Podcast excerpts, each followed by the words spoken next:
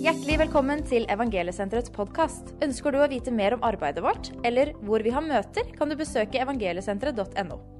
Ønsker du å støtte Evangeliesenteret, kan du gjøre det ved å besøke vår hjemmeside eller vippse oss til 27755. Vi trenger din hjelp for å nå ut til mange med sitt rusproblem. Tusen takk for din gave.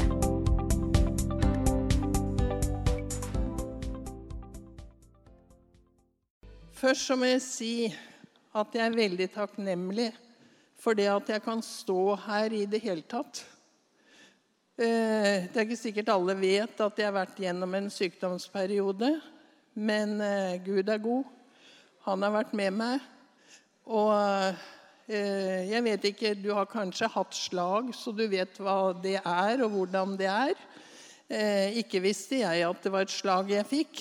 Men når du står inne på en butikk og skal betale, og tingene lystrer ikke sånn som du tenker det skal gjøre. Det er ingenting som lystrer, for hjernen gir ikke de rette signalene til resten av kroppen. Og eh, nå var jeg heldig. Eh, jeg kom veldig fort på sykehus og fikk eh, blodprøver og alt dette her. Men eh, jeg unngikk ikke et eh, hjerneinfarkt med blødning, og det var en blodpropp da, som hadde satt seg i hjernen. Eh, jeg trodde jeg skulle komme ut samme kveld, jeg, fordi legen ba meg liksom å gjøre forskjellige øvelser. Med å ta meg sjøl på nesa og, og sånn. Og det kunne jeg jo, og jeg fikk igjen språket mitt etter hvert. Og eh, blodtrykket var nok nesten oppe i 300, så jeg trodde ikke det gikk an å få så høyt blodtrykk. Ja. Men så var det en asiatisk lege der på Kalnes på sykehuset hvor jeg lå. Og så når han eh, registrerte at jeg kunne alle disse bevegelsene, da, så sa han 'halleluja'.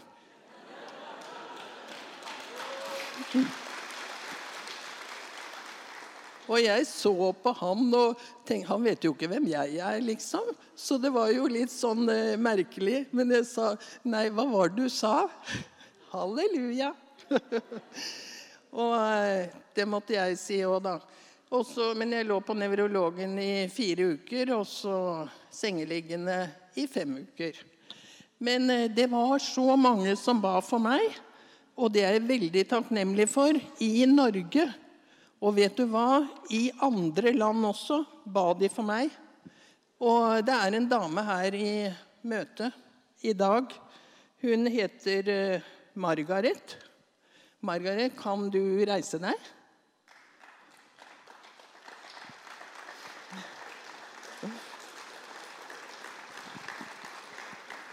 Det er noe spesielt med Margaret. For hun har ofte vært på møter og stevner som vi har hatt. da. Men eh, hun sier at for to år siden så fikk hun en beskjed om at eh, evangeliesenterets arbeid og begynnelsen av dette her, det skulle deles utover i hele verden. Og hun er eh, verdens president i Det hvite bånd. Og deres arbeid er representert i 42 forskjellige land. Og jeg skulle komme på en kongress i verdenskongress da, i Finland den 12. juli. Og ikke visste jeg åssen dette her skulle gå. Og Margaret var jo selvfølgelig spent, for de skulle det komme fra 21 land, 112 personer. Og hun var vel kanskje litt avhengig av at jeg skulle komme, da, siden det var liksom slått så veldig opp om evangeliesenteret. Og jeg husker Hun ringte meg dagen før, og jeg skulle til kontroll til legen. Og jeg visste ikke om jeg fikk lov å dra. Men eh, så sier legen til meg når jeg kommer, 'Du er frisk. Du kan få dra til Finland.' Og jeg var så takknemlig. Og vet du at jeg var henstand for felles bønn Eh, noe de har klokka tolv, tror jeg, i alle de forskjellige land, fra Sør-Korea, Kambodsja, Vietnam, jeg vet ikke alle steder. Og da ba de samdrektig, og jeg var et bønneemne i alle disse nasjonene. Det er jo stort. Det er ikke noe rart jeg er frisk. Ja, det var en takk til Jesus og alle dere som har eh, båret i bønn. Eh, jeg tenkte på noe jeg eh, har brent litt i meg fra Johannes evangelium. Og vi er ofte i Israel, i hvert fall én gang hvert år, med en gruppe. Og nå har jeg begynt å reise på vårparten, og Trond og Anita de reiser på høsten. Og da kommer vi alltid til Gordons Golgata eller i gravhaven. Og der tenker jeg det skjedde enormt store ting. For der, eh, fra det 20. kapittel i Johannes evangelium, så kan vi lese Det var jo etter at Jesus var lagt i graven, og det var jo stor sorg, og, i hvert fall blant disiplene og de som hadde vært med han da. Men eh, Maria sto utenfor ved graven og gråt. Og som hun nå gråt, bøyde hun seg og så inn i graven.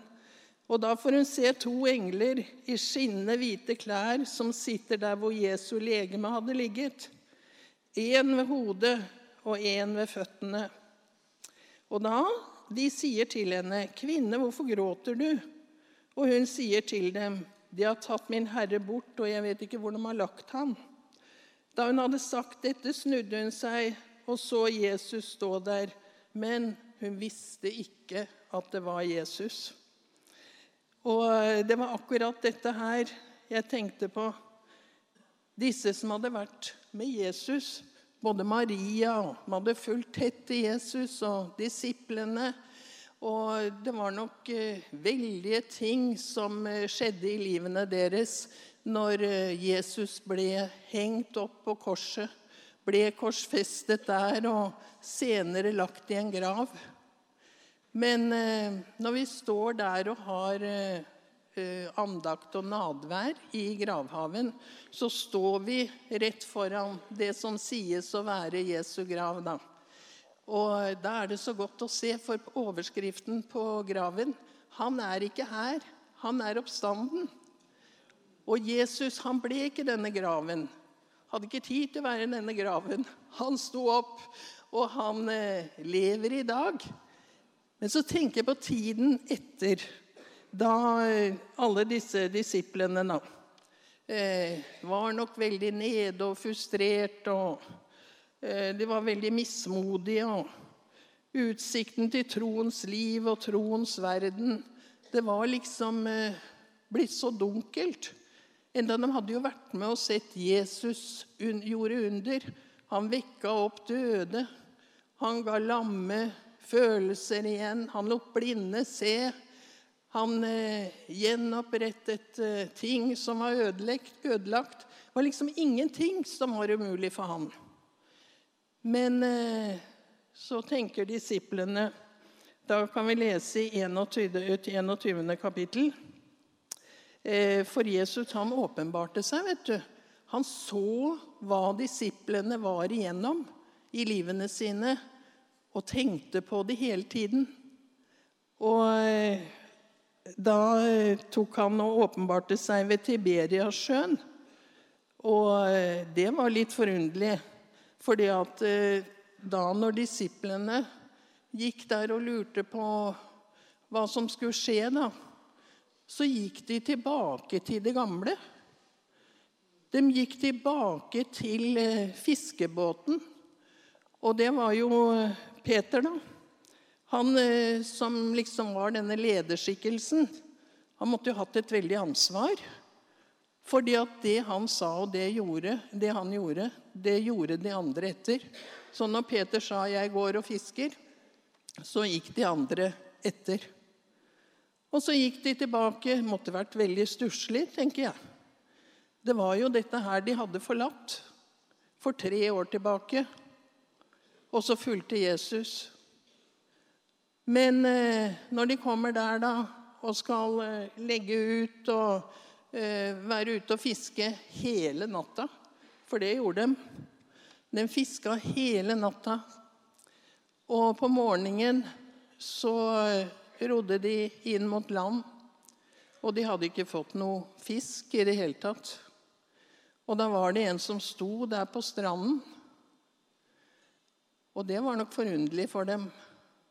Jeg tenker på det å være ute og ikke få noe fisk når du drar ut for å fiske. Det har jeg prøvd nå. Ikke fordi at jeg er noen yrkesfisker, sånn, og ikke Ludvig heller. Men vi har ei lita hytte ute ved Drammensfjorden. Og Reidar Thommessen, da, han var en god venn av oss og, som talte på møtet når vi ble frelst. Han eh, hadde egentlig bodd i Svelvik, og så hadde han en båt den gangen. Og den hadde han ikke bruk for mer, så han lurte på om vi ville kjøpe den. da. Og det var en sånn liten båt med påhengsmotor, så vidt du kom utpå, liksom. Og så skulle han være med oss og så lære oss å, å fiske, da. Og hvor fisken sto, for det visste han. Og vi dro nå ut forventningsfulle vet du, med frisk agn. Sild, tror jeg det var vi hadde. Og så båndsnører, da. Og vi satte på agn og senka det ned vet du, i håp om å få fisk. Jeg fikk riktignok noen napp, men var, fisken ville liksom ikke være med opp. Og Ludvig, som er litt mer utålmodig enn det jeg er, han eh, fikk ikke fisk og syntes dette her var kjedelige greier. Og drøyde og syntes ikke han hadde tid til å sitte der heller. Og Reidar skjønte jo dette her, og han eh, sier det. 'Ludvig, eh, senk snøret ditt lenger ned på bånn.' Ja, så gjorde han det, da. Men eh, jeg har liksom lært å dra litt opp fra bånn. En meter eller en og en halv. Også med, fordi at eh, nede på bånn så er det ikke alltid den beste fisken er. Men Ludvig fikk fisk.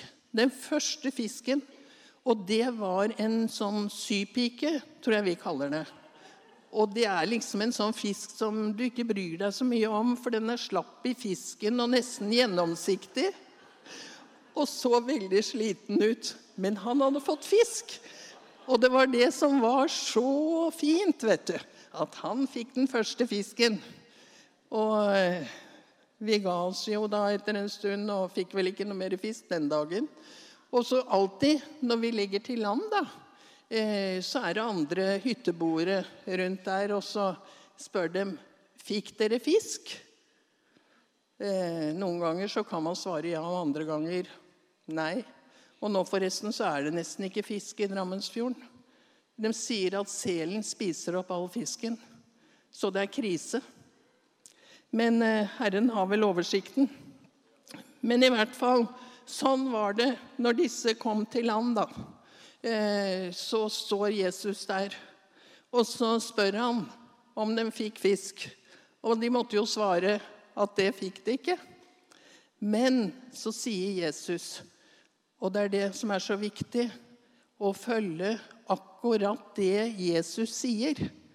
For han sier, 'Legg ut og kast garnene på høyre side av båten'. Og de lød jo Jesu ord. Og det var jo godt at de gjorde. Og så gjør de det. Og så får de jo så mye fisk, så garna deres de holder på å revne. 153 fisk, eller om det var forskjellige fiskeslag, det tør jeg ikke å si. Men i hvert fall, det var masse. Og så sto jo Jesus klar med kullild og brød og noen fisk som han la, hadde lagt der på, på denne her eh, grillen. Og så spør han også å få noe av deres fisk. Og de gir ham det. Og de skjønner at det er Jesus. Men så syns jeg når jeg leser at det er så rar holdning iblant dem. Fordi at eh, eh når de hadde møtt igjen Jesus der, så måtte det være en veldig glede. Og så få lov å se og oppleve Han hadde de jo opplevd han to ganger før også, som han hadde vist seg for dem. da. Men eh, han tar til slutt og går bortover på stranda med Peter. Og spør jo Peter tre spørsmål der, da. Han som hadde sagt at eh, han ville svikte den. Men eh, Peter, han eh, skulle få oppgaver av Jesus, som han sa når de gikk der, da, og spør om han elsker ham. Og så svarer jo Peter, ja, du vet jo alt. Og det er det Jesus gjør. Han vet alt i våre liv. Det er ikke noe vi kan skjule for ham. Til og med Thomas, som eh, nekta å tro at Jesus hadde stått opp igjen, han eh, ville ikke tro før han hadde fått stikke fingeren inn i sida på Jesus. Men eh, det visste også Jesus at han hadde sagt, selv om han ikke var til stede. For det så han. Så jeg tenker på vi kan ikke skjule noen verdens ting for Jesus. Alt er nakent og bart for han, og han ønsker å eie oss helt. Og jeg er så takknemlig fordi at når jeg lå der på sykehuset og ikke visste utfallet, så tenkte jeg jeg har jo Jesus, og jeg skrevet navnet mitt i livets bok. Og jeg reiser jo bare hjem om det ikke skulle gå. Men eh, så tenkte jeg på barna mine og barnebarn, og det blir sikkert litt trist for dem hvis jeg skulle reise nå. Så måtte jeg be kjære Jesus, du må la meg få lov å leve litt til, da.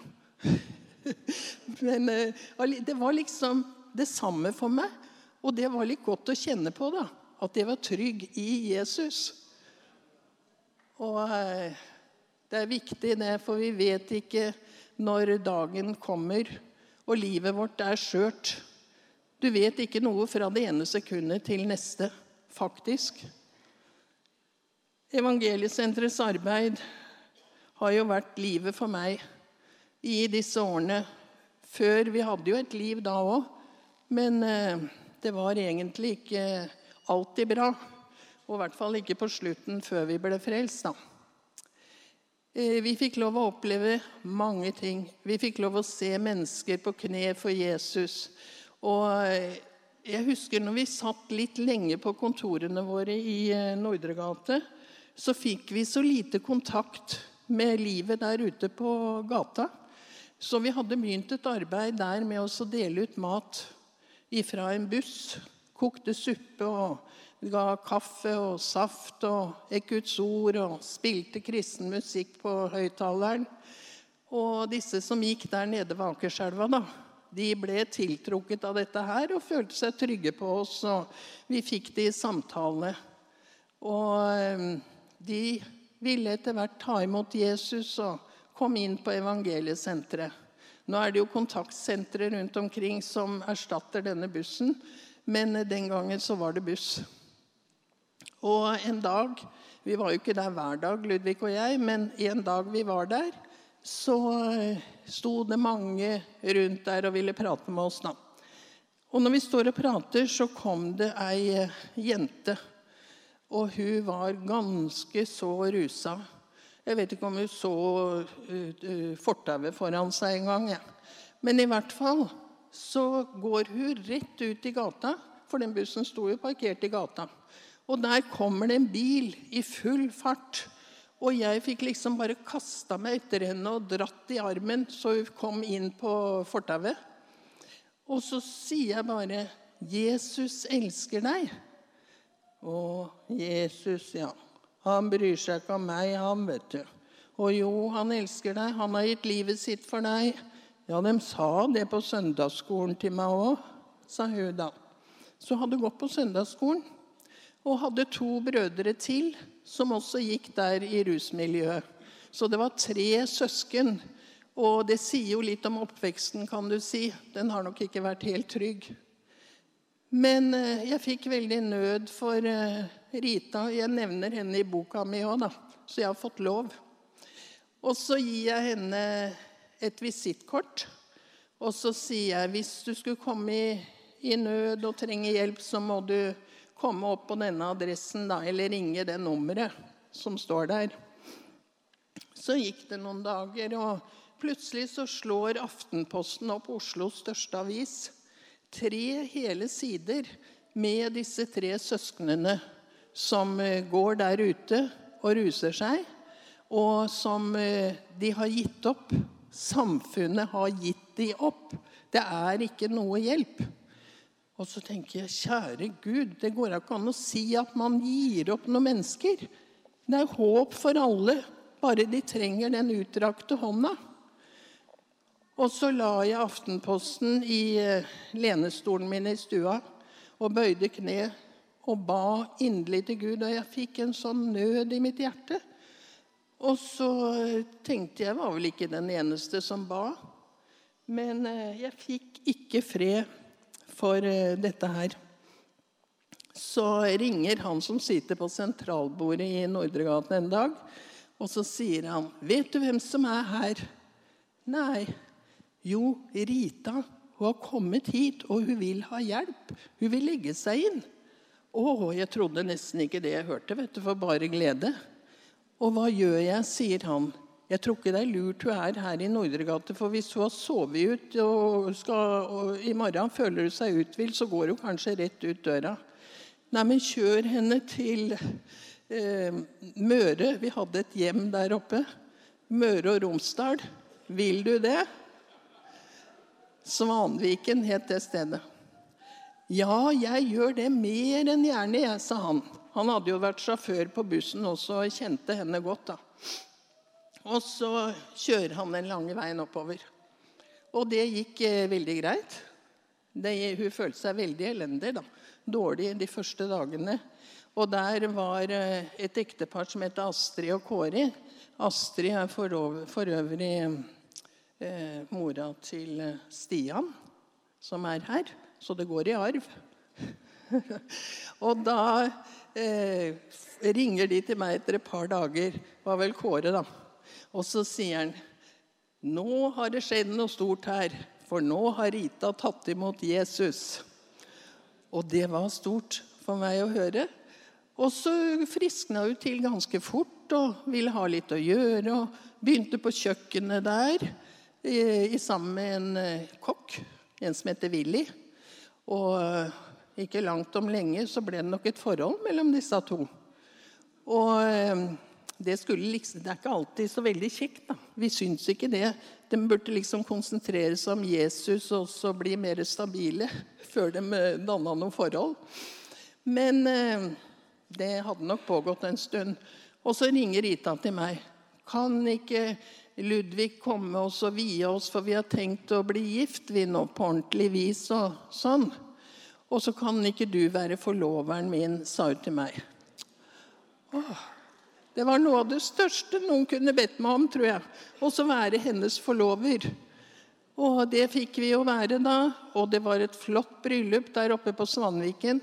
Og det var tre forskjellige fosterfamilier hvor eh, Rita hadde vært i oppveksten, da, som også var der. Og alle gleda seg, vet du. Det var bare fryd og glede.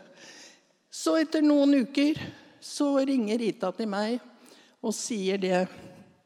Du, jeg er litt engstelig fordi at du skjønner jeg er eh, gravid. Og så er jeg så engstelig for barnevernet. For hun hadde hatt et barn før, og det hadde barnevernet tatt hånd om. Eh, så begynte jeg gravid tre måneder. og sånn, så hadde nok tjuvstarta lite grann, disse to. Men jeg kunne jo ikke være der med pekefingeren. Gjort var gjort. Så vi fikk bare gjøre det beste ut av det. Og så eh, gikk det veldig greit, da.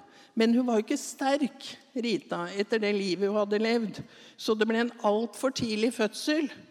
Og det skjedde faktisk eh, om natta. De bodde på egne boliger. Og eh, det gjorde disse òg. Skulle hun gå på badet, og så var fødselen i gang. Og eh, da kom det helikopter ambulanse som frakta både baby og mor til eh, sykehuset. Og den lille ble jo lagt i kuvøse og veide under en kilo. Han var liten. Bjørn-Willy het han. Og så ringte hun igjen da og må be for oss. Nå kommer barnevernet hit og skal vurdere dette her. Og vi ba rundt på alle sentrene om at hun måtte få lov å beholde guttungen sin, og at hun kunne vise til at hun var et annet liv hun levde i dag. Et liv med Jesus. Og Kort å fortelle så gikk det veldig bra. De fikk lov å beholde denne gutten. Og nå når jeg var i samtale med henne, så Hun flytta jo ut av senteret da, etter hvert, og de fikk egen bolig. og Willy ble jo kokk på senteret og fortsatte med det. Og når vi reiste hjem og skulle besøke dem i boligen, så sa han at Rita hadde det helt strøkent. Det var ingen som hadde så rent og pent som det hun hadde. Og eh, klippa til og med plenen sin med neglesaks, var det sagt. Så eh, det var ikke mangel på noen ting. Men når han begynte på skolen, Bjørn Willy, så sier Rita jeg må nok eh, slutte å jobbe nå. Hun jobba på Hopen videregående skole den gangen. For det at Tenk om noen skulle mobbe Bjørn Willy på skolen, og han skulle komme hjem til tomt hus, og ingen er der for å trøste ham. Hvorfor hun sa det, det var vel nettopp det de tre søsknene hadde opplevd i livene sine blitt mobba og ikke akseptert. De hadde en forferdelig oppvekst. Nå kunne Rita fortelle at uh, Bjørn Willy han jobba for et uh, anerkjent firma, 20 år nå, og blitt gift. Og har det bare bra. Willy, stakkar mannen hennes, han hadde fått uh, hjerneblødning og sitter på et hjem akkurat nå, da. Men ellers så holder de seg til Jesus. og vi vet ikke alltid utgangen på de som har vært hos oss, og deres liv videre. Men eh, når man holder seg til Jesus, så blir det seier. Amen.